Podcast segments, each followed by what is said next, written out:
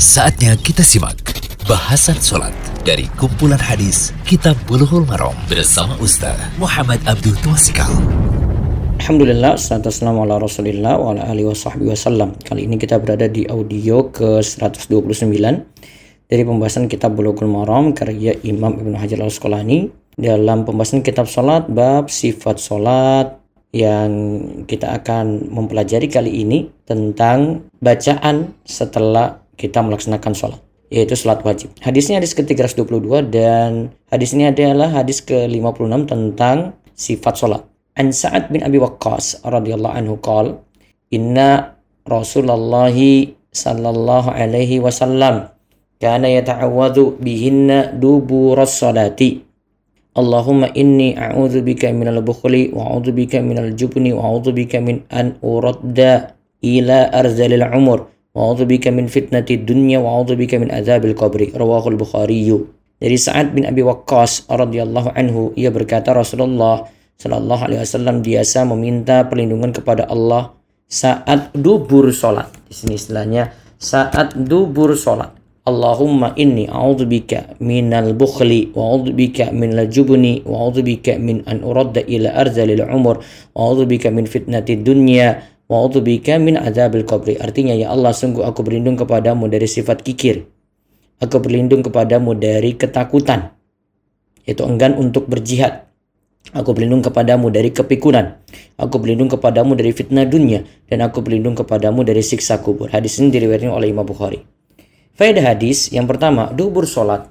Yang dimaksud mengenai waktu membaca doa ini adalah di akhir solat. Ada dua pendapat di sini ya di akhir sholat sebelum salam atau di akhir sholat ba'da salam.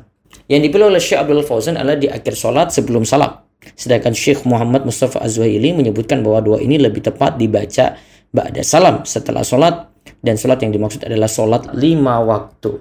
Terus isi doanya sekarang. Doa ini berisi pertama permintaan, ya, atau di nomor dua ini permintaan agar dilindungi oleh Allah dari bukhal, yaitu enggan menunaikan yang wajib dari harta padahal mampu untuk mengeluarkannya. Misalnya, enggan menaikkan nafkah, enggan bayar zakat yang wajib padahal sudah terpenuhi syarat. Sifat ini disebut apa? Bukhl.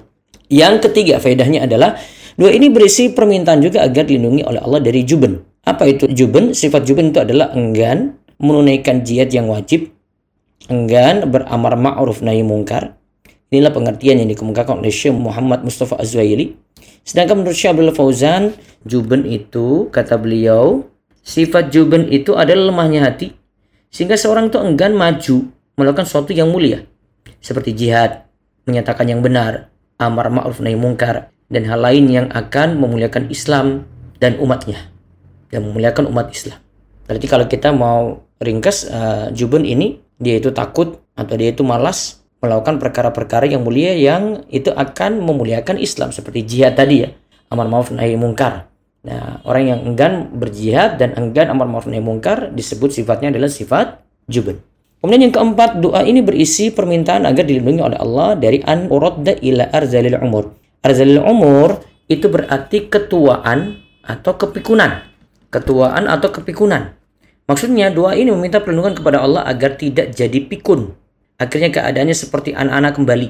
Keadaan tubuh menjadi lemah, sukar mengerti sesuatu, dan sedikit sadar. Kemudian yang kelima, doa ini berisi permintaan agar lindungi dari fitnah dunia. Apa itu fitnah dunia? Yaitu maksud fitnah dunia adalah semangatnya hanya pada mengumpulkan dunia sehingga lalai dari menunaikan kewajiban dan terhalangi dari berzikir kepada Allah. Padahal kita diciptakan untuk beribadah kepada Allah dan jalan kebahagiaan adalah dengan berzikir kepadanya. Faedah yang keenam, doa ini berisi permintaan agar dilindungi dari azabil kubri yaitu siksa kubur. Nah, Syekh Abdullah Fauzan memberikan pelajaran yang lainnya lagi yang penting untuk kita kaji di sini kata beliau, kayak yang lebih baik dalam masalah doa dan zikir adalah doa pada dubur sholat letaknya adalah pada akhir sholat sebelum salam. Jadi doa yang paling bagus di akhir sholat sebelum salam. Sedangkan letak zikir adalah ba'da salam.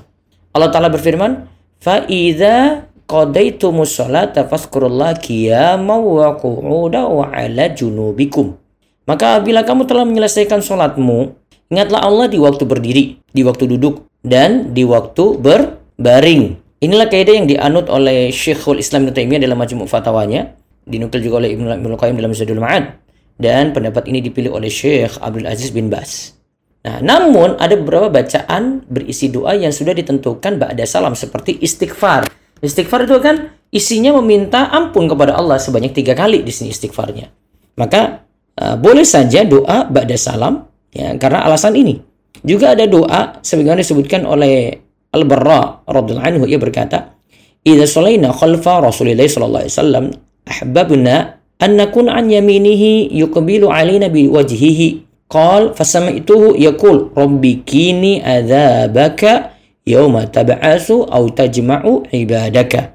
Jika kami sholat di belakang Rasulullah Shallallahu Alaihi Wasallam, kami sangat suka ketika menoleh ke kanan, lantas wajah beliau menghadap kami. Ya, beliau berkata, ya beliau membaca doa berikut ini, Rabbi kini yauma tab'asu au tajma'u ibadah. Robku selamatkanlah aku dari siksamu pada hari engkau membangkitkan atau mengumpulkan hamba-hambamu. Nah, secara tekstual doa ini dipahami sebagai doa ba'da salam ya. Karena jelas tadi maksudnya dalam hadis ya. Namun Syalbani menyatakan bahwa riwayat ini syadz, menyelisih riwayat riwayat yang lebih kuat. Hadis ini jika dilihat dari berbagai jalur mengandung doa semacam itu tapi dibaca sebelum tidur. Ya, tetapi dibaca sebelum tidur. Wallahu alam. Intinya kalau kita mau bahas apakah ada doa ba'da salam, intinya bisa perbanyak zikir dulu Mau berdoa setelah itu tidaklah masalah. Semoga jadi ilmu yang manfaat.